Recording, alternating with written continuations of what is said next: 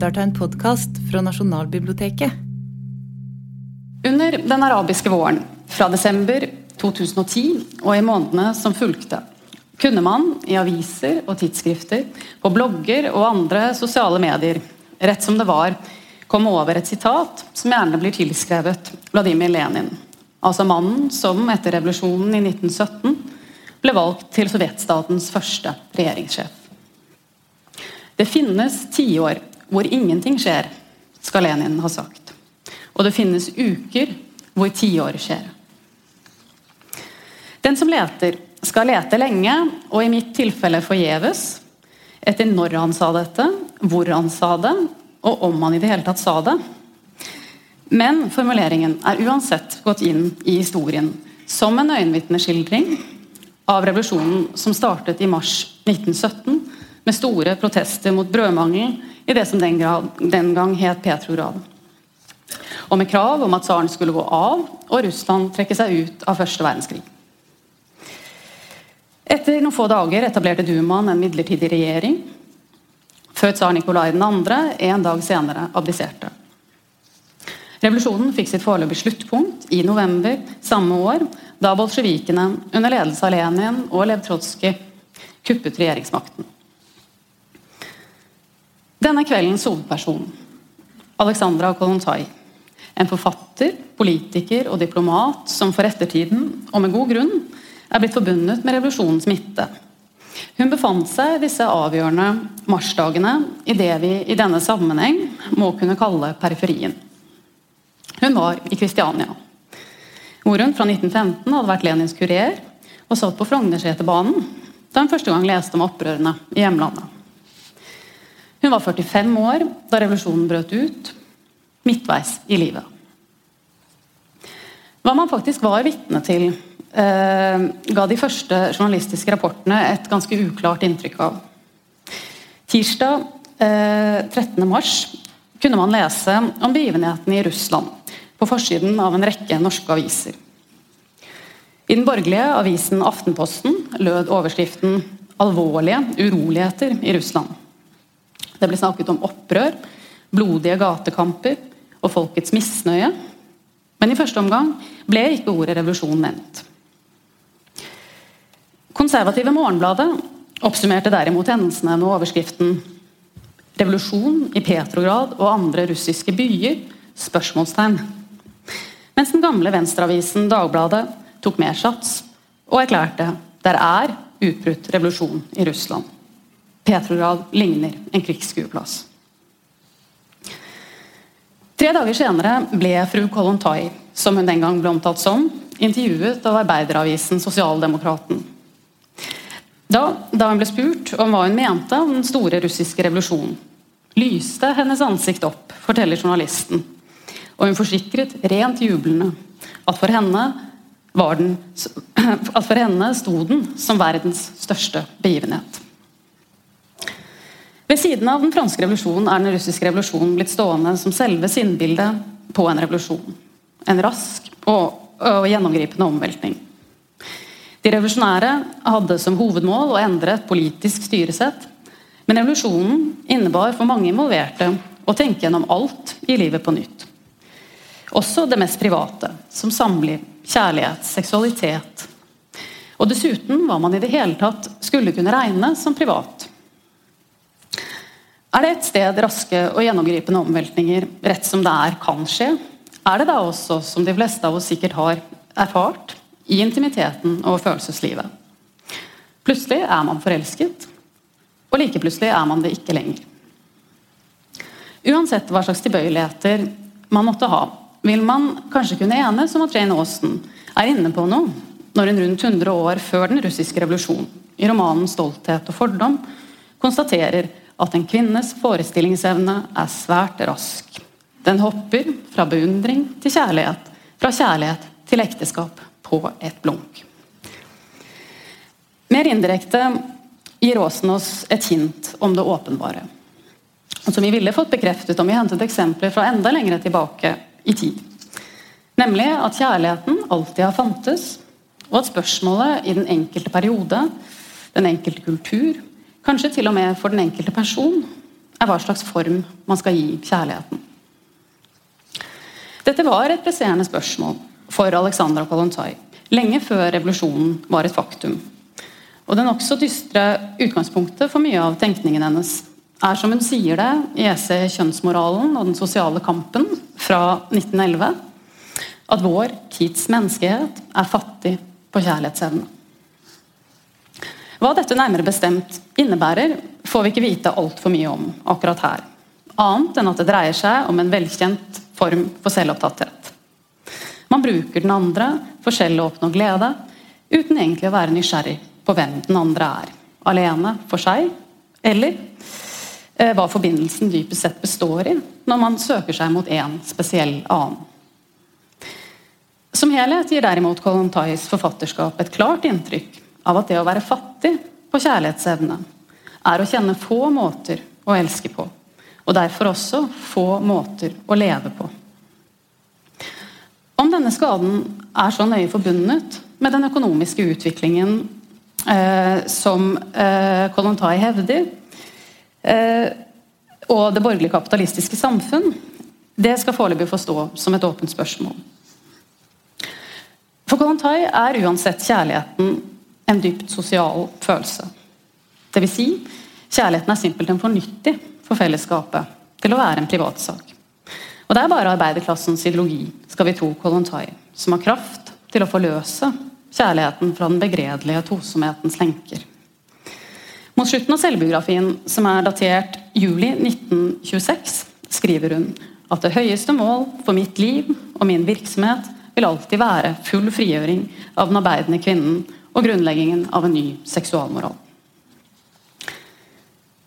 For egen del eh, kan jeg med en gang innrømme at jeg i møte med disse tekstene ganske tidlig begynte å gruble over hvor bokstavelig man i dag skal lese Kollontai. Hun var radikal nok til å bli dypt kontroversiell, både innenfor egne partirekker og, en, og i en allmenn offentlighet.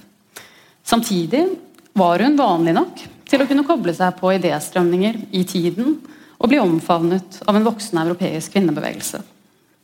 Flere av arbeidene hennes ble også til innenfor et diktatur.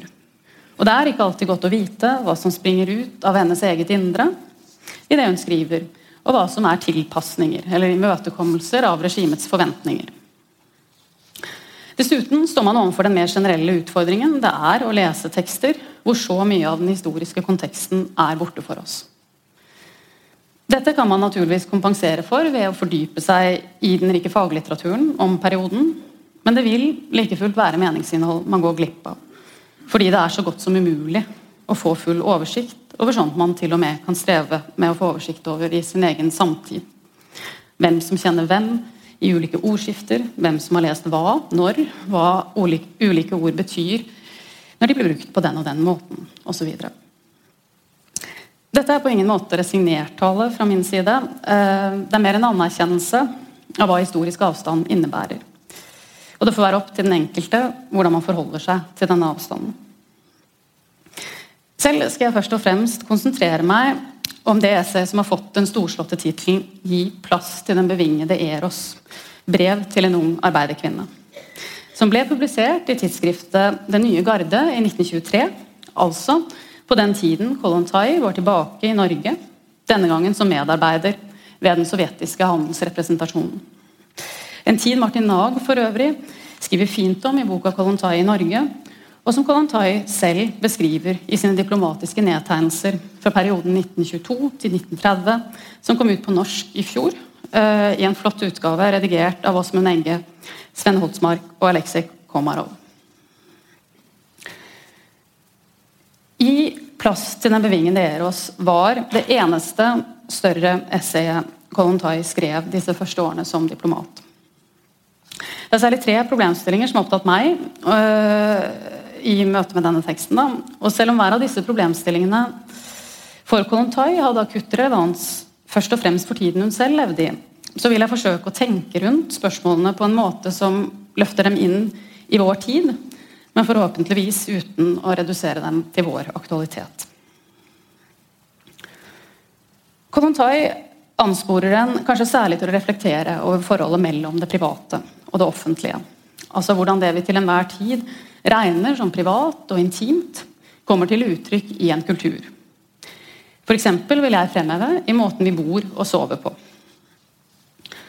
Fordi Kolontai er ute etter å løfte fram andre måter å leve og elske på enn det borgerlige ekteskapet, inviterer hun den også til å fundere over familiens status i samfunnet.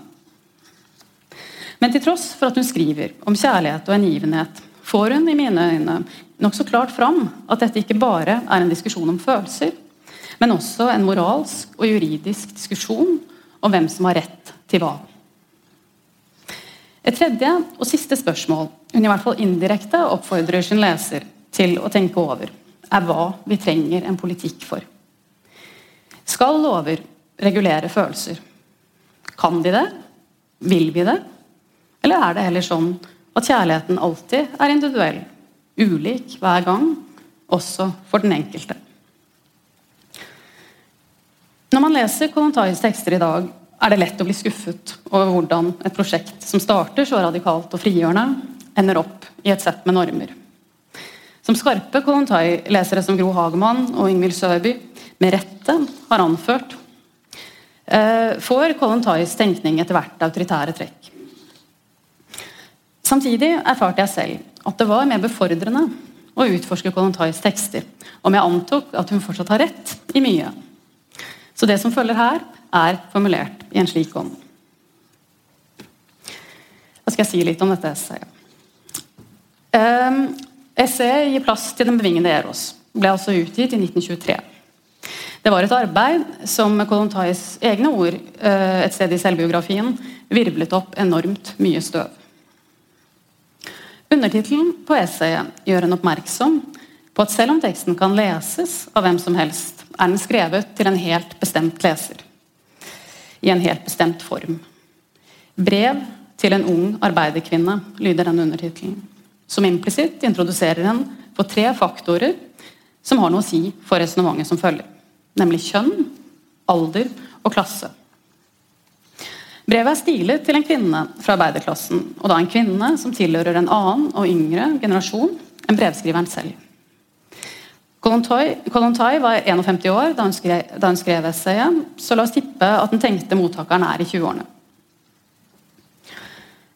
Gi plass til den bevingede Eros eh, er det siste av totalt fire brev Kollontai skrev til den arbeidende ungdom. Essayet tar form som svar på et spørsmål forfatteren skal ha fått. En ung arbeiderkvinne skal ha spurt hvilken plass inntar kjærligheten i arbeiderklassens ideologi. For å svare på dette gir Kollontai først en analyse av den samtidige kulturen, hvor hun fastslår at Russland er inne i en ny fase av borgerkrigen. De store slagene mener hun, er i dag slag om ideer, om hvilken ideologi som skal få legge premissene for hvordan vi lever med hverandre. Sagt på en annen måte at de revolusjonære er kommet til politisk makt, betyr ikke nødvendigvis at den enkeltes indre liv ser så eh, annerledes ut enn det gjorde før. Psykologisk sett, og særlig på kjærlighetens område, er man tvert imot forblitt konservative, mener Kolontai. Grunnen til denne forsinkelsen, om man kunne kalle den det, er ifølge Kolontai todelt. Det ene er at man ennå ikke har klart å se alle måtene den borgerlige tenkemåten gjennomsyrer hverdagslivet på. Det andre er at i den grad man har klart å se og løsrive seg fra denne tenkemåten, så har de færreste i krigsårene hatt overskudd til annet enn å tilfredsstille kroppslige behov. Det Kolontai kaller eros uten vinger. En form for kjærlighet hvor man ikke risikerer noe som helst emosjonelt. Navi Kolontai Sessi er en tanke om at man til alle tider har organisert kjærligheten etter hva samfunnet trenger. Altså hva som er mest lønnsomt innenfor det politiske og økonomiske systemet som til enhver tid gjelder. I kapitalismens tidsalder, hvor borgerskapet har sittet med den politiske makten, har ekteskapet og kjernefamilien av forskjellige grunner vist seg å være den mest produktive og kapitalskapende enheten. Og Derfor har man løftet fram den tosomme, eksklusive kjærligheten som det gjeldende kjærlighetsidealet.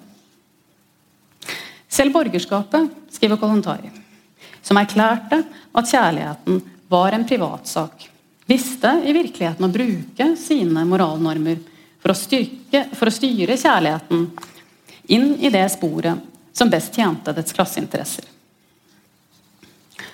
Så da må vel arbeiderklassen kunne gjøre det samme. Men selvfølgelig da ut fra omvendte grunnpremisser.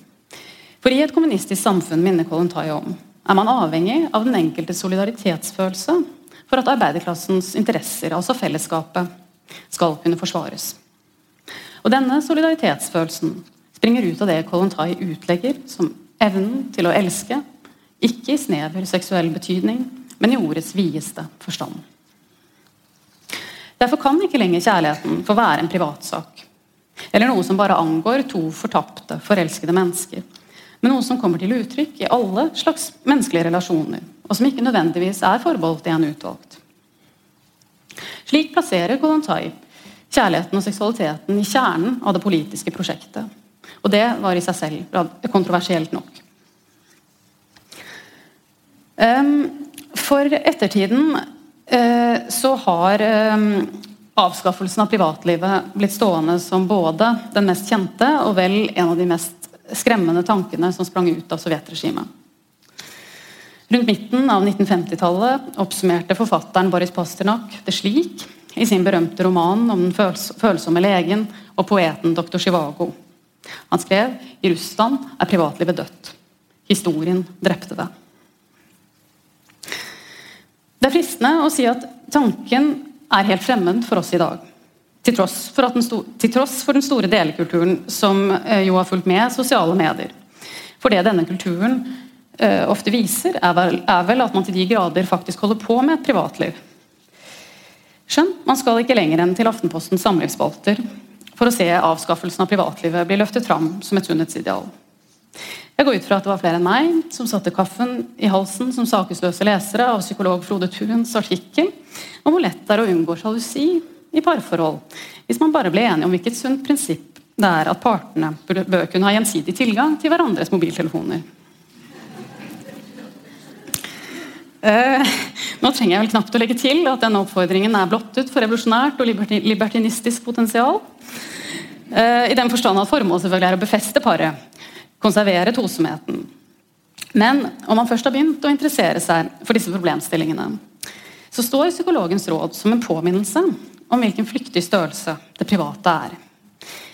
Altså hvor store tids- og stedsmessige variasjoner man ser når det gjelder hva man definerer som privat. Og ikke minst hvem som er i posisjon til å bestemme over dette. Kanskje bør vi oftere reflektere over hva vi egentlig skal med privatliv. Kolontais motivasjon for å avskaffe privatlivet var ikke bare eh, at hun anså politikken som menneskets viktigste virkefelt. Hun var også ute etter å anerkjenne at det òg i kjærligheten kan være sånn at ulike mennesker på en og samme tid tilfredsstiller ulike behov. Men man kan lure på om ikke avskaffelsen av privatlivet slik Kollontai utlegger det, utilsiktet fører med seg en avskaffelse av det offentlige livet. Idet man oppløser skillet mellom det private og det offentlige, så må man jo forholde seg til en hel del ting man vel kan ta seg i ønske at hadde forblitt en privatsak. Si at naboparet har et åpent forhold. Det må de jo for all del gjerne få aksept for, men er det dermed sagt et samfunnsanliggende? Jeg tror eh, Kolantaya har helt rett i at det å dyrke privatlivet eh, bidrar til at man får mangel på sans for våre felles vilkår, som den danske forfatteren Susanne Brøgger formulerte det tidlig på 70-tallet i essayet 'La oss avskaffe privatlivet'. Riktignok uten å nevne Kolontai, men i det man må kunne betegne som Kolontais ånd. Og for øvrig en tid hvor Kolontais tenkning fikk en renessanse, særlig innenfor feministiske miljøer. Men det spørs om ikke vi kommer lengre med å tenke, slik man allerede så tilløp til, i antikkens Hellas. Nemlig at hver og en av oss er et subjekt og har et privatliv for at vi skal kunne virke i det politiske og det offentlige. Det er derfor det gjelder å sikre rettigheter. En slik tanke åpner også i større grad, tror jeg, for at man kan erfare at det ikke må være en motsetning mellom politisk radikalisme og behovet for intim trygghet. Kollontai hadde gode grunner til å ønske seg frihet i kjærligheten. Særlig for kvinner som i hopetall var strandet i ulykkelige ekteskap de så å si var uten rettigheter i. Men som alle forelskede vet, betyr ikke alltid frihet i kjærligheten å ha et utall valgmuligheter. men å føle fellesskapet med én person som en nødvendighet. Uansett var Kollontais klare ambisjon både før og etter revolusjonen å utvide rommet for hvordan det er mulig å tenke seg menneskelig samvær. Det var hun ikke alene om i sin tid. Tvert imot ser man spor av dette innenfor mange av tenkningens og hverdagslivets områder. Ikke minst innenfor arkitekturen, eh, som jeg nå skal løfte fram noen eksempler fra. Den eh, israelske arkitekturhistorikeren Eyal Weismann omtaler i artikkelen 'Matter Against Memory' bygninger som historiske vitner. Jeg tenker ikke nå så mye på uh, hva bygninger manifesterer, altså dvs. Si hva slags byggestil de er et uttrykk for, men hva slags liv de bevitner. Altså hva romdelingen f.eks. sier om livet som leves i et hus eller en leilighet. For det man anser som privat i en historisk periode, viser seg jo også innenfor hjemmets fire vegger. Selv bodde jeg i mange år i en leilighet i Maridalsveien som hadde do i oppgangen og dusj på kjøkkenet. Leiligheten fikk etter hvert eget bad. Det var tidlig på 2000-tallet, tror jeg. Eh, det ble ganske enkelt påbudt. Eh, mest, mest sikkert pga. sanitære forhold. Men antagelig også fordi det blir stadig mer fremmed for oss å tenke at noe så privat som å dusje kan gjøres i et så sosialt rom som et kjøkken. Hvis det stemmer at dette blir stadig mer fremmed for oss å tenke, så er trolig en av grunnene at vi vant, at vi er blitt så vant til, å, eh, vant til, at hvert av rommene i en leilighet har helt spesielle kvaliteter. I dag blir det nærmest regnet som et menneskerettighetsbrudd hvis man, og særlig som barn, ikke har et eget soverom. Men historisk sett er det private soverommet en nokså ny oppfinnelse. I norsk sammenheng var det første stykket ut på 1930-tallet at man begynte å bygge leiligheter hvor rommene fikk mindre generelle kvaliteter. Man lagde f.eks. små rom hvor det ikke var plass til annet enn en seng og kanskje et skap. Altså rom som bare kunne brukes som soverom. Dette er jo en lærdom man eh, ofte gjør seg når temaet er menneskelig samvær. At det man tenker på som natur, eh, og tar for gitt som noe som alltid har vært der, bare er kultur. Altså noe som gjelder for akkurat den tiden og den kulturen man selv lever i. At man har en del ubevisste forestillinger om hva som er vanlige soveordninger, får man antagelig tydeligst illustrert når man støter på uvanlige ordninger. Det er først når man besøker et lykkelig ektepar som velger å sove i en køyeseng, at man blir minnet om at det vanlige jo er å sove i en dobbeltseng. Om man ikke har eget soverom i en leilighet man deler med andre, så er det også mye intimt eh, som man ikke lenger regner som helt privat. Jeg tenker ikke da først og fremst på seksuell aktivitet, som det jo tross alt er mulig å skjerme, selv uten et eget soverom, men på livet om natten, i søvnen. Alt man er utenfor den våkne kontrollen. Når man snakker i søvne, puster og snorker, hikker og plumper og ligger i de rareste stillinger. Slike forhandlinger rundt soverom og romdelinger var naturligvis avgjørende for dem som skulle få fatt i ideer for den nye verden. Slik de revolusjonære skulle. I 1925, altså et par år etter at Kolontai skrev sitt essay, utga Mikhail Bulgakov romanen 'Hundehjerte'. Tidlig i denne boka finner man en mild harselas over kollektiviseringen av leiligheter i Moskva, som de revolusjonære sto for, og tvangsinnlosjeringen av leieboere. Legen Filip Filipovic har lenge fått være et unntak fra denne, regelen. Men så en dag har beboerallmannamøtet tatt opp spørsmålet om fortetning av boligmassen, som de kaller det. Og kommet fram til at de vil be han om å frivillig, og som ledd i arbeiderdisiplinen selvfølgelig, om å avstå fra spisestuen og konsultasjonsværelset i den syv roms store leiligheten. Det er ingen som har, store, har spisestuer i Moskva mer, blir han fortalt. Ikke i Sedora Duncan engang. Filipovic blir forvirret og spør men hvor skal jeg så innta føde. På soveværelset svarer representantene for beboerallmannamøtet. Og dette får det til å gå helt rundt for professor Filipovic. I, og nå siterer jeg fra boka. Innta føde i soveværelset, lese i konsultasjonsværelset, kle på seg i venteværelset, operere i pikeværelset og så undersøke spisestuen. Meget mulig at Isadora Duncan gjør det på den måten. Kanskje spiser hun på kontoret og slakter kaniner på badet. Kanskje det. Men jeg er ikke Isadora Duncan. Et mer slående eksempel, eh, kanskje, og i hvert fall mer raffinert, på hvordan et soverom kunne åpnes opp, finner man i det såkalte Melnikov-huset i Moskva, som dere ser bilde av her, som ble påbegynt i 1927 av den russiske arkitekten Konstantin Melnikov, og som sto ferdig i 1929. Huset er utradisjonelt formet som to sylindere som er hektet på, hverandre. Og soverommet utgjør ikke en egen enhet, men har bare to smale, skråstilte skillevegger på hver sin side av eh, sengens fotende. Dere ser det liksom bak der. Opprinnelig var eh, barnerommet bak den ene skille, skilleveggen, eh, men på bildene fra museet i dag, som er, er eh, Dette bildet er derfra, da. Eh, så, eh, så, er jo disse rommene rundt bare mer generelle oppholdsrom. Overordnet sett kunne man si at de revolusjonære tenkerne ikke bare forsøkte å løsrive seg fra århundregamle politiske styreformer, men også fra samlivsformer moderniteten hadde brakt med seg. For det man jo ser skje i løpet av 1800- og det tidlige 1900-tallet, er at familien og ekteparet blir den sosiale institusjonen man tenker alt ut fra. I filosofien blir familien det historiske subjektet, ikke minst med den eh, tyske filosofen Hegels store verk 'Rettsfilosofien'. I lovgivningen blir familien, eller ekteparet, det juridiske subjektet. Og i boligbyggingen blir familien det arkitektoniske subjektet. Jeg nevner dette fordi det er lett å glemme at Kolontai tilhørte en generasjon av intellektuelle som var svært klar over den ensformige måten, at, svært klar over at den ensformige måten man organiserte og tenkte om det sosiale livet på på begynnelsen av 1900-tallet, bare hadde eksistert i en hundreårs tid. Og dessuten hadde ganske store variasjoner om man sammenlignet by og land. I Gi plass nei, i, i, gi plass til den bevingede Eros, dette essayet jeg stadig vender tilbake til, går hun historisk til verks for å vise hvordan kjærligheten til enhver tid har speilet og endret seg med samfunnets behov. Fra vennskapskjærligheten i stammesamfunnet, som skulle knytte medlemmene i stammen tett sammen, til den platonske kjærligheten i føydalsamfunnet, som kunne drive en ridder til de utroligste bedrifter på vegne av ætten ridderen tilhørte.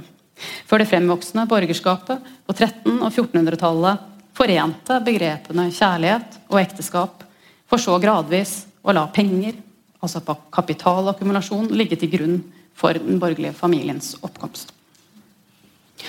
Dette siste er avgjørende for Kollontai. Det som skjer med den borgerlige kjærligheten, mener hun, og som blir stadig tydeligere utover 1800-tallet. Jo mer sentral plass den borgerlige familien, eller kjernefamilien, som den blir hetende, får, er at kjærligheten direkte blir forbeholdt de ekteskapelige rammene. Eller som Kollontai eh, selv sier det, og nå siterer jeg Utenfor det lovformelige ekteskapet var kjærligheten illegal. Bakgrunnen for dette idealet hevder hun videre, var rett og slett et ønske om å sikre kapitalkonsentrasjon. Det er en selvfølge skriver hun, at dette idealet var diktert av økonomiske hensyn. Altså viljen til å forhindre at kapitalen ble fordelt på uekte barn. Og Da er vi ved et av de punktene i Kolontais essay som i mine øyne klarest illustrerer hennes egen ideologiske orientering. At det skulle kunne finnes lykkelige borgerlige ekteskap, tviler hun nok ikke på. Men det spiller ikke så stor rolle så lenge ikke flere får ta del i lykken.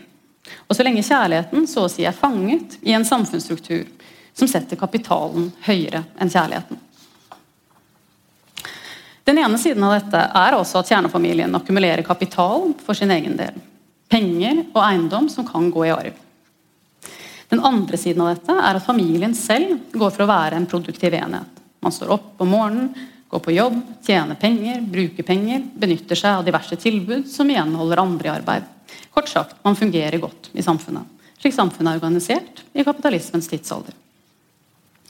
Uten å konkludere med at Kolontai har rett i alt, kan man jo spørre seg hva det ville innebære for bruttonasjonalproduktet om man oppdaget at det gikk helt fint for en kvinne å få barn på egen hånd, og oppdra det på egen hånd, og dessuten at en slik liten enhet var en friere, mer fleksibel enhet enn kjernefamilien. Bare i kraft av at man er færre som skal ta avgjørelser, flytte på seg, finne ut av og få råd til en hverdag.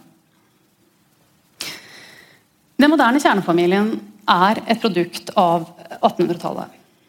Det er på 1800-tallet at familien blir teoretisert i den forstand at den får et juridisk grunnlag. og som flere sikkert har erfart, hefter det en egen realitet ved jussen, fordi den bestemmer over verdier.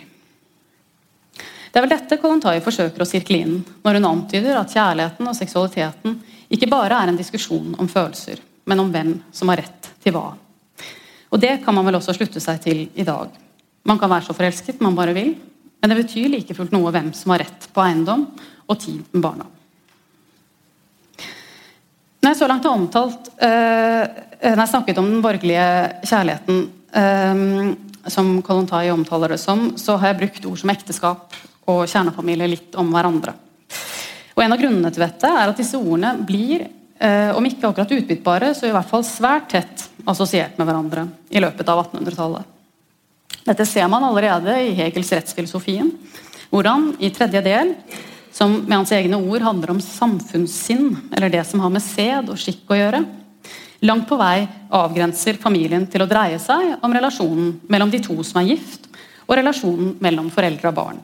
Og dermed altså ikke om alle de andre relasjonene man vet at ordet familie på forskjellige tidspunkt i historien har inkludert. I paragraf, 60, nei, paragraf 160 skriver han uh, at familien realiserer seg selv på tre måter. Nå siterer jeg. A. I sitt umiddelbare begreps skikkelse som ekteskap. B. I det ytre tilværet, i familiens eiendom og gods, og ved å ta vare på dette. Og se I oppdragelsen av barna. Denne avgrensningen har bl.a. sammenheng med at det på samme tid skjedde store endringer i forholdet mellom den økonomiske, og den politiske og den sosiale sfæren. Nærmere bestemt at sfærene ble skilt fra hverandre. Dette var en lang og sammensatt prosess med mange implikasjoner. Men det viktige i denne sammenheng er at utviklingen bidro til at familien ble intimsfære. Uten direkte påvirkning på økonomien. Som skulle regulere seg selv gjennom det som ikke minst i løpet av 1800-tallet skulle bli gjenstand for stor kritikk blant anarkister og utopister og marxister osv., nemlig det frie markedet. I Plass til den bevingede Eros får vi denne historien gjengitt som at familien litt etter hvert går over fra å være en arbeidsenhet, en økonomisk produksjonsenhet, som Kolontai eh, formulerer det, til å bli en forbrukerenhet. At Kolontai stadig etablerer en så nær forbindelse mellom kapital og kjærlighet i sine betraktninger over den borgerlige kjernefamilien, er med andre ord verken så radikalt eller så uforståelig. Jeg har likevel eh, lurt på hvor relevant akkurat denne delen av resonnementet hennes er i dag, og jeg er fortsatt ikke sikker. Eh, men jeg fikk anledning til å tenke nærmere over dette da jeg tidligere i høst skulle en tur innom Ikea. Mange vet sikkert dette allerede, men selv la jeg da for første gang merke til at Ikea har egne privilegerte parkeringsplasser for tre ulike grupper. Funksjonshemmede, de som kjører elbil, og familier. Ehm, I et øyeblikks forvirring og hvor jeg selv hadde lov til å parkere, ehm, parkerte jeg på en av familieplassene. Fristende plassert bare ti meter fra inngangen. Men det var med en gang mange spørsmål som meldte seg. Hvorfor skal familier få de beste parkeringsplassene på, et kjøpesenter? Man kan sikkert argumentere for at når du har med deg barn på et slikt sted, gjelder det å komme seg så raskt som mulig fra bilen og inn dit du skal. Men har man vært på Ikea, så vet man godt at transportetappene inne på senteret jo er flere og lengre enn den ene fra bilen til inngangen. Så kan man sikkert si at jo, men når man først er inne, så kan man bare sette barna i ballrommet. Men forklarer nå det hvorfor man har kommet på en slik praktisk løsning på et sted som akkurat dette. Selv var jeg også opptatt av hva som skulle til for ikke å få parkeringsbot. For når kvalifiserer man til å være en familie på Ikeas parkeringsplasser? Som ser sånn ut. Er man en familie hvis man bare er en mor og et barn? Er man en familie hvis familien er igjen hjemme? Eller hvis familien har forlatt det? Eller hvis du har en potensiell fremtidig familie bevart som befruktede egg i en fryser i Danmark. Uten å ha til hensikt å dele den mest spekulative delen av dette resonnementet, så ruslet jeg innom informasjonsskranken på Ikea for å høre hva de hadde å si om familieparkeringen. Der møtte jeg en vennlig mann som kunne fortelle meg at de ikke er så strenge med kontrollen på Ikea. Nei vel, sa jeg. Nei, de er mye strengere på Brynsenteret, sa han. Brynsenteret, sa jeg. Ja, Brynsenteret, sa han. Der må man ha barnesete i bilen for ikke å få bot. Og, sa jeg, så da kan man ikke parkere der hvis man har barn på sju år, f.eks. Det er bare folk som er helt firkanta i huet, sa han da, som er opptatt av dette. Jeg ble litt usikker på om det var meg eller parkeringsvaktene han nå siktet til. Men jeg fikk i hvert fall hans velsignelse til å parkere hvor som helst. Og altså også, for min egen del, ny viten om at det ikke er uvanlig at kjøpesentre gir familier privilegier. Man tror om det er sammenheng med at familier sannsynligvis legger igjen mer penger på slike sentre enn enslige, besteforeldre og pensjonister, som det påfallende nok ikke blir gitt tilsvarende privilegier til. Slik man jo er vant til at de får ellers i samfunnet, i kollektivtransporten f.eks. Um, det som uansett er verdt å tenke over i forlengelsen av Kolontais historiske utlegning av kjærlighetens ulike former, er hva hun oppnår ved å forstå kjernefamilien som en parentes. Et unntak i den større historiske sammenhengen. Den fremste ambisjonen er nok å få leseren til selv å bli overbevist om at andre typer fellesskap er både mulige og ønskelige. Og Man trenger ikke overta den kompromissløse kritikken av kjernefamilien for å se det frigjørende i dette. Antagelig særlig for dem som verken er inkludert i eller identifiserer seg med denne ene formen for fellesskap.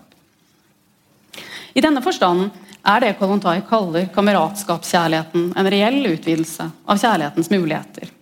Til tross for at den slående nok for en leser i dag ikke rommer homofil kjærlighet. Dette er ikke så mye en kritikk som en observasjon fra min side. Her er Kolontai i sin tid, verken mer eller mindre. Men det er klart, denne blindflekken gjør en oppmerksom på at ethvert fellesskap fordrer noens utenforskap.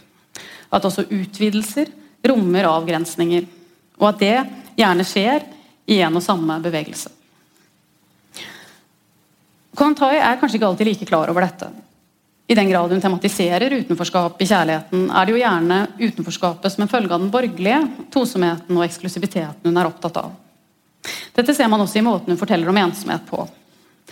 I 'Kjønnsmoralen og den sosiale kampen' skriver hun om sin tids kjærlighet.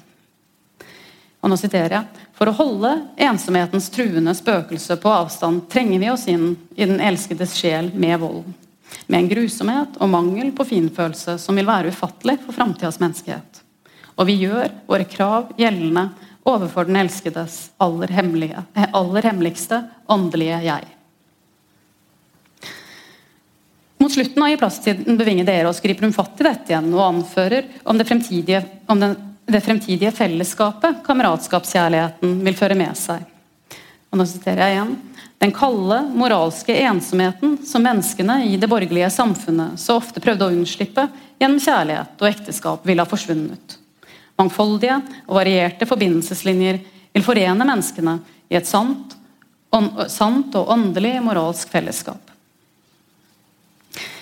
Det er ikke så vanskelig å gå med på at kjærligheten for mange på ulike tidspunkt i livet også kan være en måte å flykte fra ensomheten på. Men når Kolontai først vil rokke ved det, rokke ved hva det vil si å elske, de vante forestillingene om hva det eksistensielt innebærer å være sammen, så er det underlig at hun ikke i større grad reflekterer over, over at vi alle jo dypest sett er alene. Alltid. I alle livets sammenhenger. Og sånn sett verken mer eller mindre alene i et parforhold.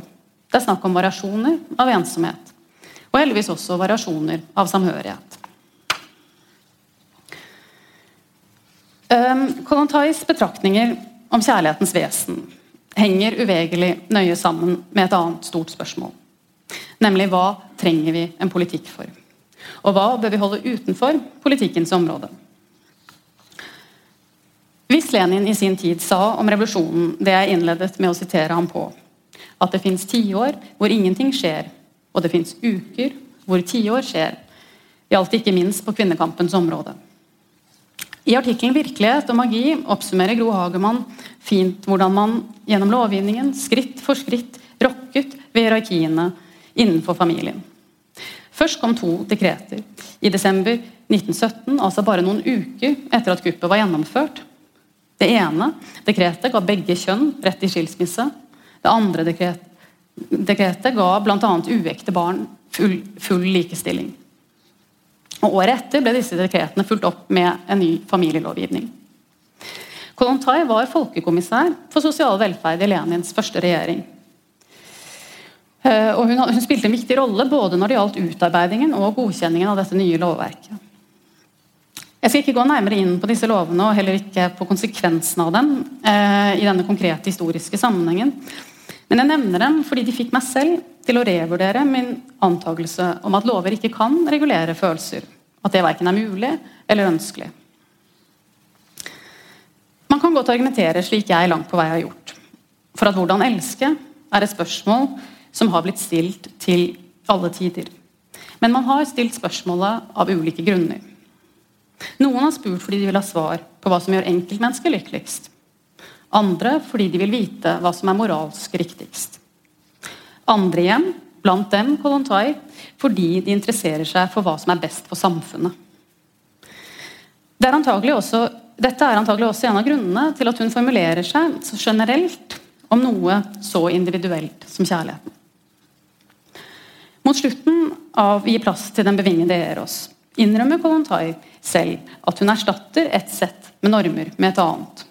Hun lar sin brevmottaker, den unge arbeiderkvinnen, spørre har vi befridd kjærligheten fra den borgerlige moralens jern bare for å sperre den inne med nye lenker. Til det svarer Kolontai ganske enkelt ja, unge venninne, du har rett. Men her helliger altså mål og middelet. Og man så noen groteske utslag av dette i Kolontais egen tid. Ifølge Kolontai blir kameratskapskjærligheten truet av to krefter i samfunnet. På den ene siden prostitusjonen og det kjærlighetsløse begjæret. På den andre siden monogamiet og det kjærlighetsløse ekteskapet. I det tankevekkende forordet til bokklubbutgaven av 'Revolusjon og kjærlighet', et utvalg Kolontai-tekster, forteller Yngvild Sørby at i plass til den bevingede Eros, blant mange, og særlig i provinsen, faktisk ble oppfattet som et partidirektiv. Og at det fantes partifolk som fulgte opp teksten med å sørge for at forelskede par ikke stakk seg bort fra kollektivet. Og med å kreve bevis for at det var kjærlighet og ikke bare fysisk begjær mellom de to som hadde funnet hverandre. Dette er grelle eksempler eh, på hva slags konsekvenser den autoritære impulsen i enkelte av Kolontais tekster kunne få. De skal ikke underspilles. Samtidig er det ikke til å komme fra at vi jo fortsatt har en rekke lover som nettopp regulerer følelser og samvær mellom folk. Skal man søke om oppholdstillatelse for, eksempel, for en utenlandsk person man har forelsket seg i, må man også forklare og argumentere for at det dreier seg om ekte kjærlighet. Muligens bør vi også spørre om det ikke er sånn i noen tilfeller at det generelle, her representert ved lover, garanterer for at det individuelle, som personlige tanker og følelser og innfall, skal få finnes. Man kan lure på hva dekretet som ga uekte barn i Russland full likestilling, hadde å si på hvilke følelser som skulle få finnes i møte med et uekte barn. Var det enklere å elske et barn som fellesskapet hadde bestemt at var likestilt, like mye verdt som alle andre barn? Gjør slike kollektive anerkjennelser noe med kjærligheten den enkelte blir møtt med? Mye tyder på det. Det er vanskelig å overvurdere betydningen av at homofili i hvert fall i norsk sammenheng ble avkriminalisert tidlig på 1970-tallet. Eller symbolverdien av at Barack Obama i sin State of the Union-tale i 2015 bl.a. forsvarte rettighetene til lesbiske, bifile, homofile og transpersoner. Og med det ble den første amerikanske president til offentlig å si ordet transgender. Da han forsvarte disse rettighetene, kom han også med en tydelig begrunnelse. Vi forsvarer disse rettighetene, minnet han om. Ikke bare fordi det er det riktige, men fordi det gjør oss tryggere. Det vil si, det er tryggere for alle at disse rettighetene finnes, ikke bare dem det spesifikt gjelder. For støter man ut noe fra et samfunn, kan det før eller siden komme tilbake som noe mye skumlere. Nemlig et, hensynsløst samfunn ingen egentlig kan føle seg ivaretatt i. Denne tanken gjenfinner man også i Kollontais tenkning om seksualitet og kjærlighet. Når en går til angrep på ekteskapsinstitusjonen, er det med begrunnelsen at ingen, heller ikke kjærligheten, skal leie hverandre. At ingen skal være underordnet en annen.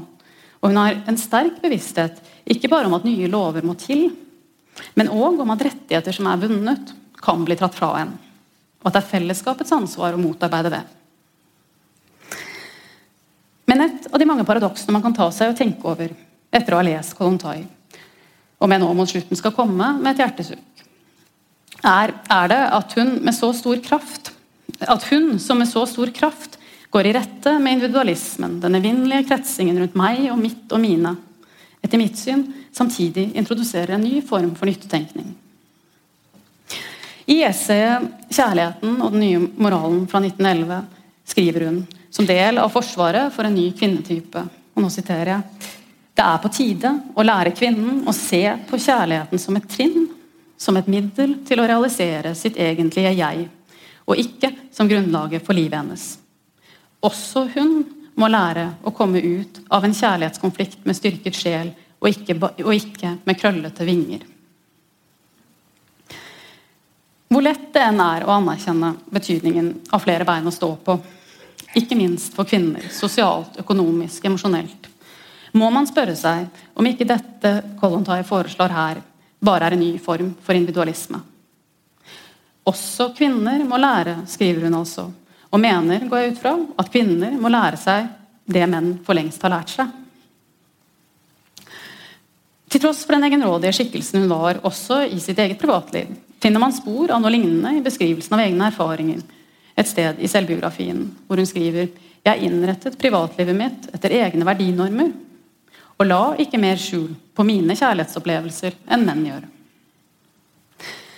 Dette betyr ikke at hun gjør mannen til et forbilde i ett og alt, men det står som en påminnelse om at det selv for revolusjonære kan være en utfordring å sortere hvilke politiske og moralske idealer man skal tenke det universelle ut fra. Jeg har spurt noen ganger underveis i dette foredraget hvorvidt Kolhontai var en radikal tenker. Og i så fall på hvilken måte hun var det. Som det sikkert har fremkommet, er min oppfatning at Kolontais vedvarende radikalitet først og fremst ligger i at samfunnet kanskje har forandret seg mindre enn vi liker å tro når det gjelder synet på kjærlighet. Vi tror vi lever i en tid preget av mangfold. Og det er på noen åpenbare måter sant. Men er det bare sant? Det er fortsatt sånn at kulturen gir oss et nokså rigid sett med forestillinger om hva som er vanlig, og hva som er uvanlig. Et finmasket hierarki av elske- og levemåter som vi i de fleste sammenhenger forholder oss stilltiende, til og med ureflektert til. Det er mer alminnelig å være i et forhold enn å leve alene. Det er mer alminnelig å leve heterofilt enn å leve homofilt. Det er mer alminnelig å elske en jevnaldrende enn en som er betraktelig eldre eller betraktelig yngre. Det er mer alminnelig for en mann å være eldst i et forhold enn for en kvinne, osv. Dette er ikke bare spørsmål om statistikk. For som alle vet, trenger man sjelden å forklare og begrunne det som er alminnelig, uansett hva det måtte skjule av ualminneligheter. Det er dette som lager utenforskap. At flertallet ikke først og fremst betrakter sin levemåte som en av mange muligheter, slik enhver minoritet blir tvunget til å gjøre, men som normen alt annet skal måles ut fra. I Kolontais ånd kunne man derfor avrunde med å spørre hva er konsekvensene av at vi tror vi er kommet så langt, når vi på mange måter har kommet så kort? Tusen takk.